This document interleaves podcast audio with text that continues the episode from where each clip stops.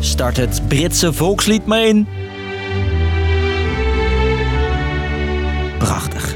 Met heel veel scones, ontelbaar veel vlaggetjes en een grootse militaire parade vieren de Britten het jubileum van Queen Elizabeth. It is a weekend that none of us will ever forget. Thank you, Your Majesty. Thank you. 70 jaar lang zit ze inmiddels op de troon en dus is ze een van de langstzittende vorsten ter wereld. Elizabeth, Queen Elizabeth, is de eerste Britse monarch uh, die dit viert. Een platina jubileum wordt het genoemd. Reden voor een Brits feestje.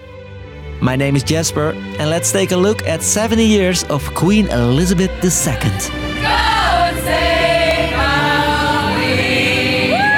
Lang verhaal kort. Een podcast van NOS op 3 en 3FM. 6 februari 1952. Elizabeth valt tijdens een werkbezoek in Kenia rustig in slaap in haar hotelbed. Maar zo anders is haar leven als ze wakker wordt.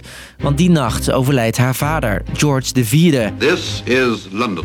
At 10:45 today, February the 6th, 1952, that the king passed peacefully away in his sleep. Vanaf die dag is Elizabeth de queen. Ruim een jaar later wordt ze gekroond. Ze is dan pas 26. Is your majesty willing to take the oath? I solemnly promise so to do. Die dag doet ze een belofte aan het Britse volk. Throughout all my life and with all my heart, I shall strive to be worthy of your trust. En aan die belofte houdt ze zich tot op de dag van vandaag, inmiddels 70 jaar later.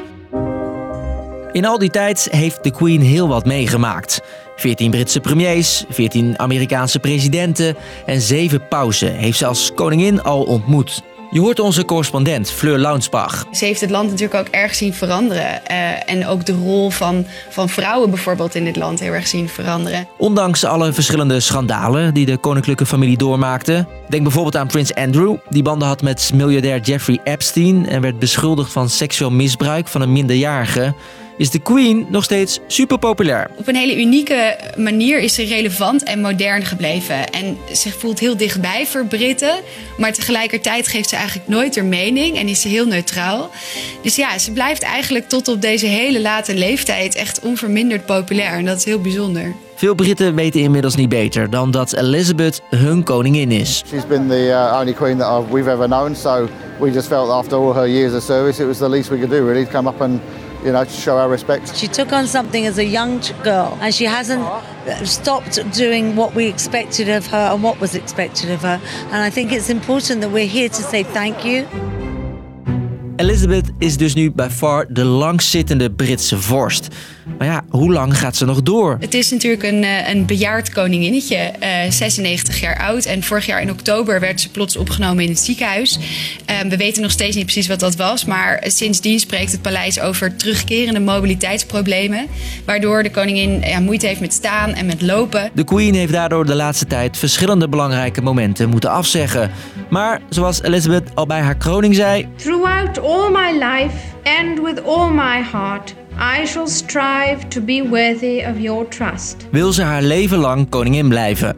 En zo denken de Britten er ook over. Want praten over een opvolger willen ze liever niet.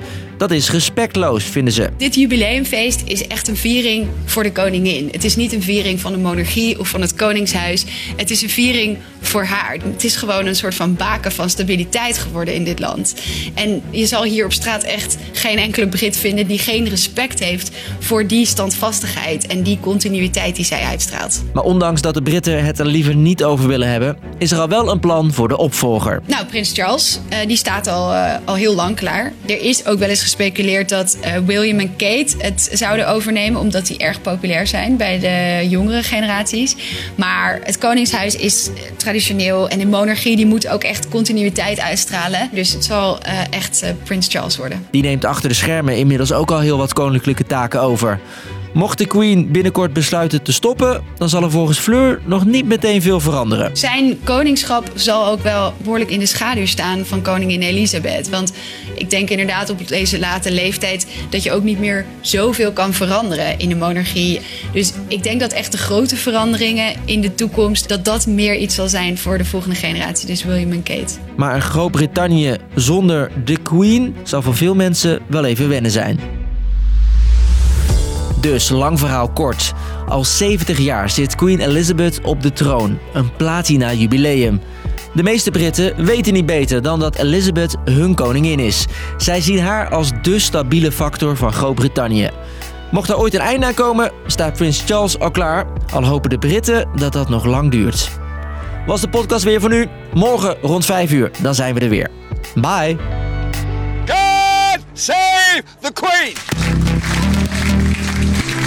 Altijd al willen zien hoe een podcast gemaakt wordt. En ons ontmoeten? Ja, leuk. Gezellig. Kom naar het NPO Podcast Event op 26 juni in Utrecht. Dan kan je praten met makers van allerlei NPO-podcasts. Echt superleuk. Er zijn live podcastopnames. Superleuk om, uh, om het een keer live mee te maken. En wij doen een superleuke nieuwsquiz. Nee, stuk. Wij geven een paar gratis kaarten weg. Mail ons waarom jij daarbij zou moeten zijn. lvk.nos.nl Lang verhaal kort, lekker mailen en naar Utrecht komen. Tot dan! Doei doei! Doei doei!